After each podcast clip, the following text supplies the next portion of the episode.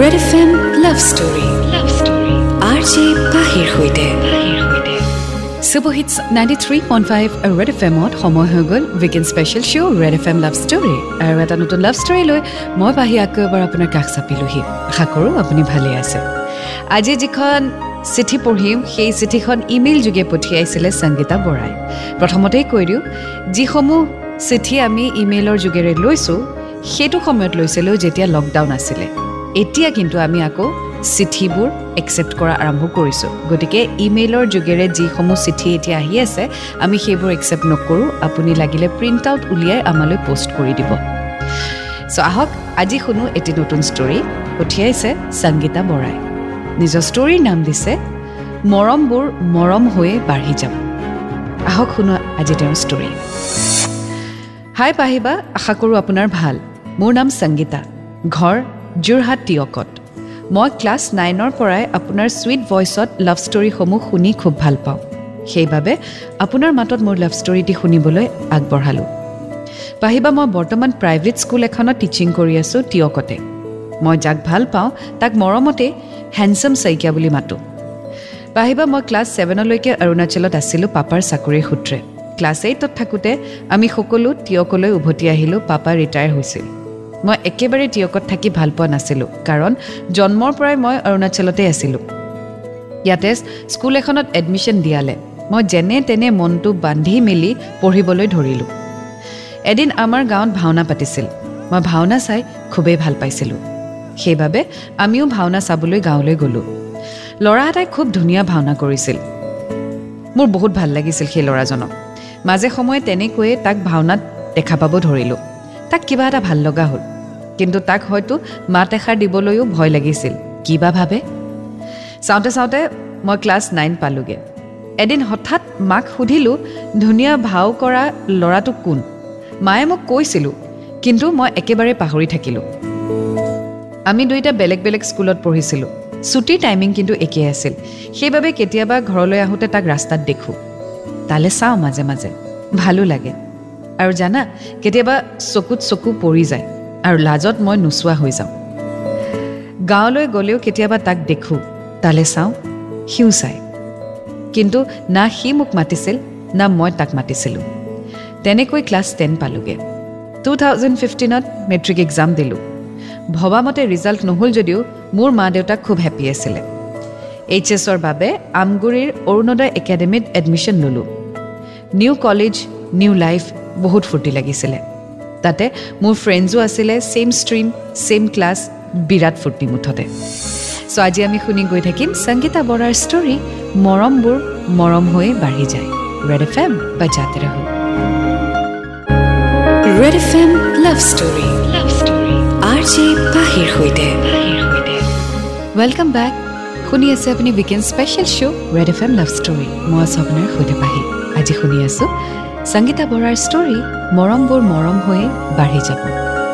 আগলৈ তেওঁ লিখিছে কলেজীয়া দিন আৰম্ভ হ'ল। আমাৰ কলেজৰে ল'ৰা এটাৰ লগত মই ৰিলেশ্যনত আহিলোঁ। ৰিলেশ্যনশ্বিপটি কিন্তু ভাল নহ'ল। কল নকৰে খবৰ নলয়। মই কল কৰিলেও দহ ছেকেণ্ডমানহে কথা পাতে। হেণ্ডচাম শইকীয়া আৰু সেই ল'ৰাটো লগৰে আছিল। মানে তেওঁলোক ছেইম স্কুলতে পঢ়িছিল। এবাৰ হেণ্ডচাম শইকীয়াৰ বাইক এক্সিডেণ্ট হৈছিল। আৰু নাজনা নেমেলাকৈ কেনেকৈ তাৰ এক্সিডেণ্টৰ ফটো মোৰ মোবাইলত আছিলে মই একেবাৰেই জনা নাছিলোঁ পাহিবা। কেতিয়াবা কলেজৰ পৰা ঘৰ অহা সময়ত হেণ্ডচাম শইকীয়াক দেখোঁ। তেতিয়াও একেই চিটুৱেশ্যন সিও চায় ময়ো চাওঁ কিন্তু ইটোৱে সিটোক নামাতোঁ। চাওঁতে চাওঁতে এইচ এছ ফাইনেল এক্সাম আহিলে দুহেজাৰ সোতৰত। বহুত কষ্টত ফেমিলি প্ৰব্লেমৰ মাজতো পঢ়ি মেলি এক্সাম দিলোঁ। মই নাচি খুব ভাল পাওঁ। সেয়েহে ভাবিলোঁ এইবাৰ গাঁৱৰে টীম এটাৰ লগত বিহু নাচিম বুলি। ঘৰত সুধিলোঁ পাৰ্মিশ্যনো দিলে। জানা পাহিবা হেণ্ডচাম শইকীয়াৰ মই ক্লাছ টুৱেলভলৈকে নামেই জনা নাছিলোঁ। এদিন তাক ফেচবুকত বহুত বিচাৰিলোঁ। বিচাৰি বিচাৰি ফাইনেলি পালোঁগৈ। আৰু এইবাৰ সাহস অলপ গোটাই মই নিজেই তাক মেছেজ দিলোঁ। হাই তোমালোকৰ বিহু প্ৰেক্টিচ হৈ আছে নেকি? অঁ হাই। বিহু প্ৰেক্টিচটো আমাৰ লাহে লাহে ষ্টাৰ্ট হ'ব এতিয়া। সুধিলা কেলে আজি? অঁ মানে ভাবিছিলোঁ যে ময়ো জইন কৰোঁ নেকি? অ' তুমি বিহু নাচিবা আমাৰ লগত। অঁ ভাবিছোঁ আৰু। হয় নেকি? দিয়া ঠিক আছে আমাৰ গ্ৰুপটো এতিয়া অনলাইনে আছে চাগে। মই গ্ৰুপত এবাৰ কৈ দিম দিয়া তোমাৰ কথা। পিছে হঠাতে তুমি আমাৰ লগত নাচিব ওলালা যে? একচুৱেলি এক্সামো শেষ হৈছে।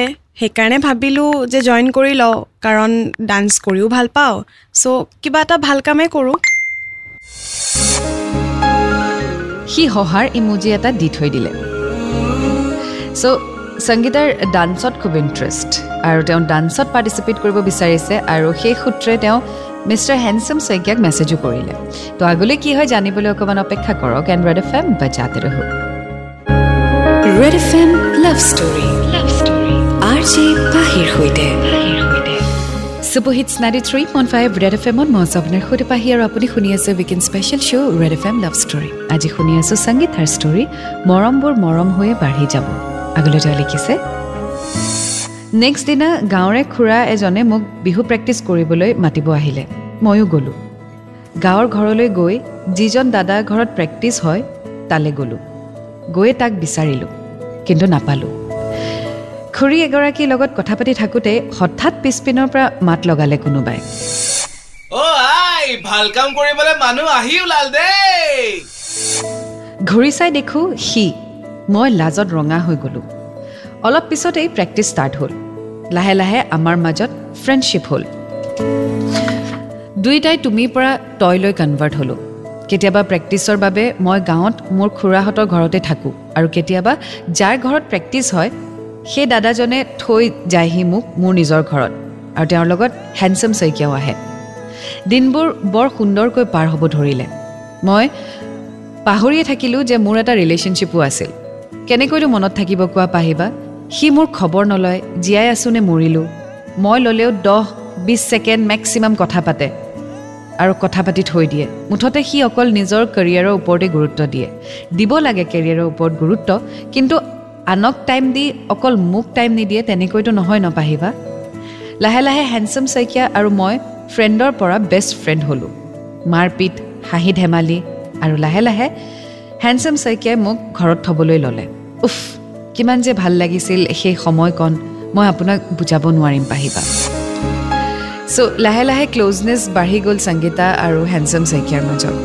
But Sangeeta is already in a relationship যিটো ৰিলেশ্যনশ্বিপত তেওঁ ছেটিছফাইড বা হেপ্পী নহয় চ' আগলৈ কি হয় জানিবলৈ অপেক্ষা কৰক এণ্ড ৰেড এফ এম বজাতে ৰহক Red F M Love Story Love Story R J পাহিৰ সৈতে welcome back to the show' Red F M Love Story মই আছোঁ আপোনাৰ সৈতে পাহি আজি শুনি আছোঁ সংগীতাৰ ষ্টৰী মৰমবোৰ মৰম হৈয়ে বাঢ়ি যাব আগলৈ তেওঁ লিখিছে বহাগ বিহু আৰম্ভ হ'ল তেৰ এপ্ৰিলৰ পৰা আমাৰ বিহু আৰম্ভ হ'ল মই হেণ্ডছাম শইকীয়াক এদিন ক'লোঁ যে বিহু মাৰিবলৈ যাওঁতে সি যাতে মোৰ লগতে থাকে। মই যাতে তাৰ লগতে অহা যোৱা কৰিব পাৰোঁ আৰু সিও মান্তি হ'ল। আমি ফেচবুকত খুব কথা পাতিব ধৰিলোঁ। গুড মৰ্ণিঙৰ পৰা গুড নাইট এটা কথা তাৰ মোৰ খুব ভাল লাগিছিল কি জানা পাহিবা? বিহু প্ৰেক্টিছ কৰাৰ পৰা তাৰ মোবাইল সদায় মোক দি থৈ যায়। কোনে মেছেজ কৰিছে কল কৰিছে চব মোক চাবলৈ দিয়ে যেন মই তাৰ গাৰ্লফ্ৰেণ্ডহে সঁচা কৈছোঁ পাহিবা লাহে লাহে মই তাক ভাল পাবলৈ ধৰিছিলোঁ। কিন্তু তাক ক'বলৈ ভয় লাগিছিল। কিজানিবা সি মোক বেয়া বুলিয়ে ভাবে? তাৰ আৰু মোৰ ছেইম হাৰ্ট ব্ৰেকিং কণ্ডিশ্যন চলি আছিল। এদিন আমি শিৱসাগৰৰ ফালে বিহু মাৰিবলৈ গৈছিলোঁ। আমি উইংগাৰ এখন ভাড়ালৈ লৈছিলোঁ। মই কোৱাৰ দৰেই সি মোক তাৰ লগতে বহুৱাইছিল। উইণ্ডো ছিট ইয়েৰফোন শ্বেয়াৰিং আৰু তাৰ মোবাইলত গান। উফ একেবাৰে মই ভবাৰ দৰে হৈছিল।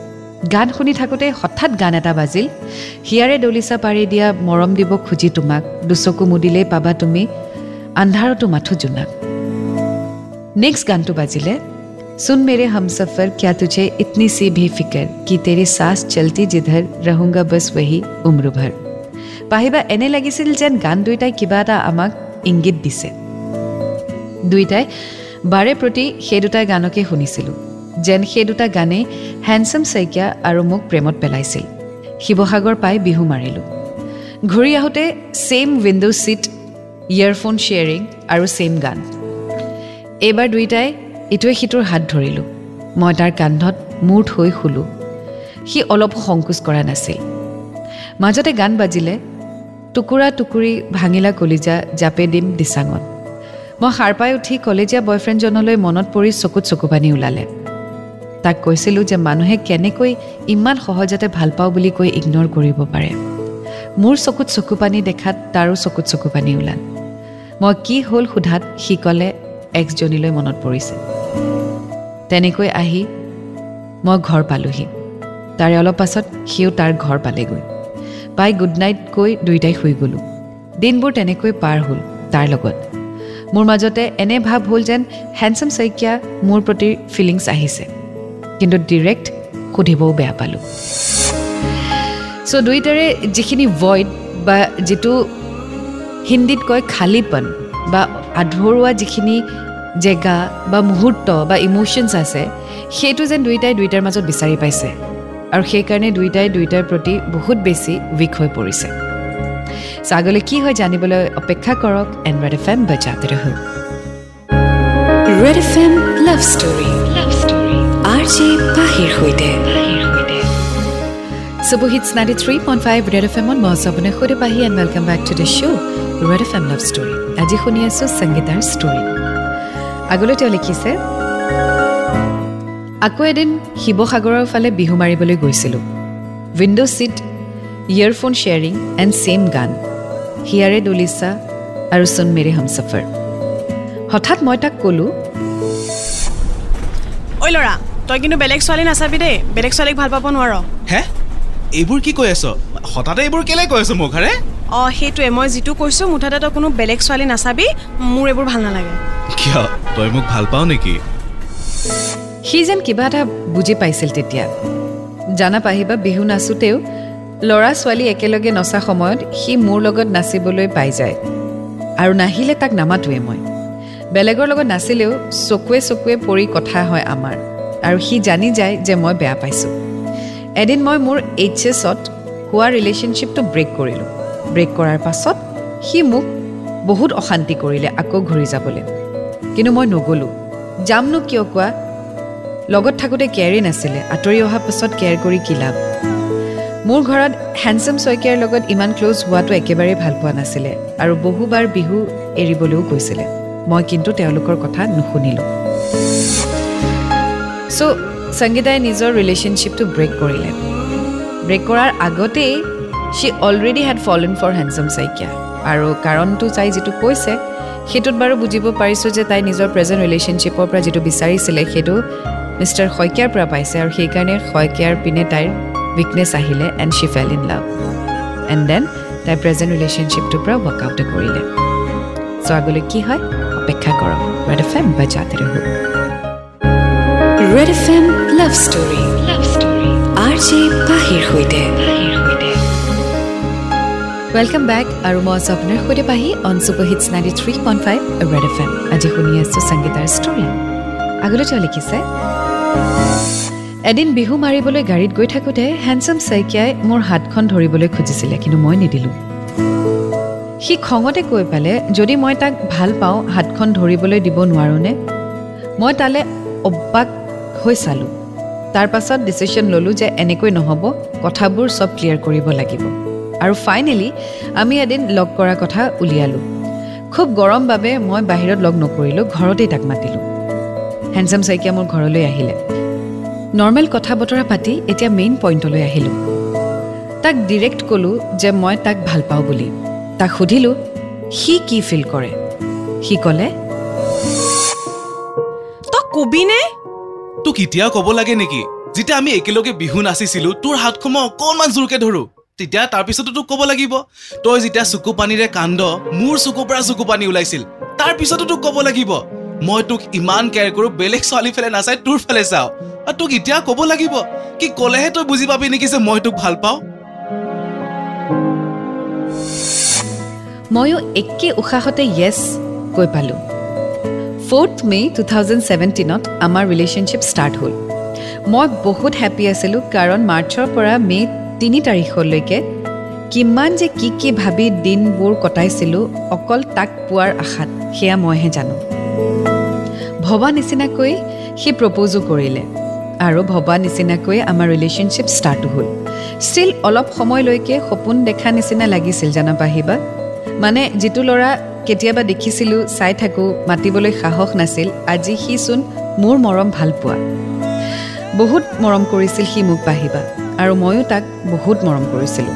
কিন্তু আমাৰ লাইফত এনে কিছুমান লগৰ আছিলে যোনে আমাৰ এই ৰিলেশ্যনশ্বিপটো ভাল পোৱা নাছিলে আৰু যি টি কথা লগাই আমাৰ ৰিলেশ্যনশ্বিপটো ভাঙিব চেষ্টা কৰিছিল। কিন্তু কোনোদিনেই তাহাঁতি সফল নহ'ল। এইচ এছ ৰিজাল্টছ দিলে। ডিব্ৰুগড় ইউনিভাৰ্চিটিৰ আণ্ডাৰত ইয়াতেই কোকাজান কলেজত ছ'চিয়লজি ডিপাৰ্টমেণ্টত এডমিশ্যন ল'লোঁ।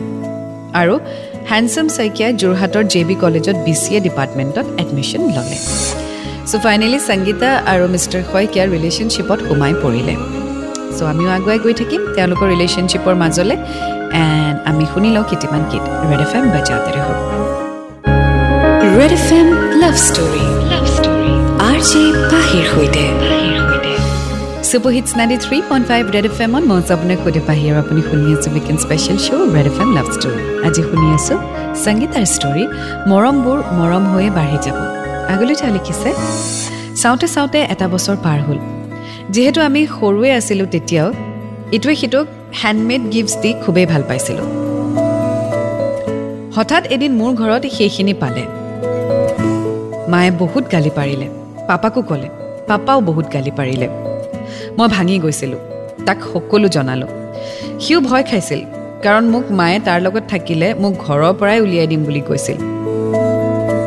সকলো বাধা মানি হ'লেও আমি কথা পাতিছিলোঁ লগো কৰিছিলোঁ। আৰু খুব ফুৰিছিলোঁ দুয়োটাই আমি একেলগত বহুত সুখী আছিলোঁ। মই জোৰ কৰাত এদিন সিও তাৰ ঘৰত কথাটো ক'লে। তাৰ মাকেও একেই কথা ক'লে। মুঠতে কোনো পধ্যে আমাৰ ৰিলেশ্যনশ্বিপটো মানি নলয় কাৰণ আমি একে গাঁৱৰে আছিলোঁ। গাঁৱৰ হয় যদিও তাৰ আৰু আমাৰ মাজত কোনো ধৰণৰ সম্বন্ধ নাছিল। দুয়োটাই ভাগি পৰিলোঁ বহুত। তাক কেতিয়াবা সোধোঁ মোক যদি এৰি বেলেগক বিয়া পাতিবলৈ কয় তুমি বিয়া কৰিবানে? সি তেতিয়া একো মাত নামাতে আৰু তেতিয়া বহুত বেছি হাৰ্ট হৈছিলোঁ মই। ষ্টিল মই তাক সদায় কৈ আহিছিলোঁ যে এদিন আমাৰ মৰম ভালপোৱা জিকিব। আমাক সকলোৱে আঁকোৱালি ল'ব। সি কিন্তু বিশ্বাস কৰা নাছিল। দুয়োটাই দুয়োটাক বহুত ভাল পাইছিলোঁ জানা পাহিবা ইমান বাধাৰ মাজতো আমাৰ ৰিলেশ্যনশ্বিপটো ধুনীয়াকৈ পাৰ হৈছিল। অঁ মাজতে কাজিয়া হৈছিল বাৰু। সেইবোৰতো থাকিবই নপাহিবা চাওঁতে চাওঁতে তিনি বছৰ পাৰ হ'ল আমাৰ ৰিলেশ্যনশ্বিপ অলপ অলপকৈ দুয়োটাৰে ঘৰত মানিব লৈছোঁ। কিন্তু মানুহক দেখুৱাই ঘূৰি ফুৰিবলৈ মানা কৰে। মাজে মাজে কেতিয়াবা মায়ে মোক ৰিলেশ্যনশ্বিপটো লৈ যি টি শুনাই থাকে যদিও মই কিছুমান পইণ্টত কথাটো কৈ দিলে তাৰপিছত তেওঁ আৰু একো নোকোৱা হৈ যায়। দুইটাই ডিগ্ৰী ছিক্স ছেমিষ্টাৰ পালোঁ। আমাৰ ৰিলেশ্যনশ্বিপটো আৰু ষ্ট্ৰং হ'ব ধৰিলে। ঘৰটো আজিকালি ৰিলেশ্যনশ্বিপটো লৈ ইমান একো কৈ নাথাকে।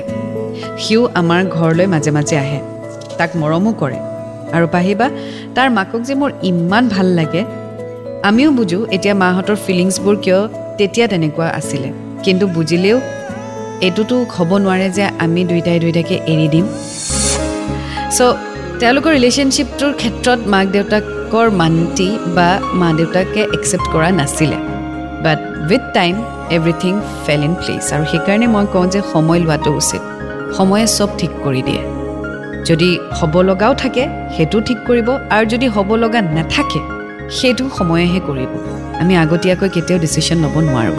So' it's always better to take time আৰু কিছু কথা লিখিছে সেয়া পঢ়ি গৈ থাকিম। ৰেড এফ এম বজাতে ৰহো Red F M love story love story R J পাহিৰ সৈতে super hits ninety three point five Red F এমত মই আছোঁ আপোনাৰ সুধি পাহি আৰু আপুনি শুনি আছে weekend special show' Red F M love story আজি শুনি আছোঁ মৰমবোৰ মৰম হৈয়ে বাঢ়ি যাব সংগীতা বৰাৰ ষ্টৰী আগলৈ তেওঁ লিখিছে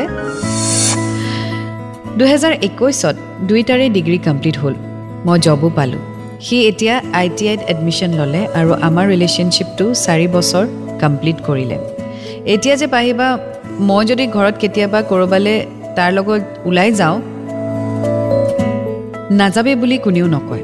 আনকি বেলেগৰ লগত গ'লেও মোক সোধেহে সি যাবনে নাই।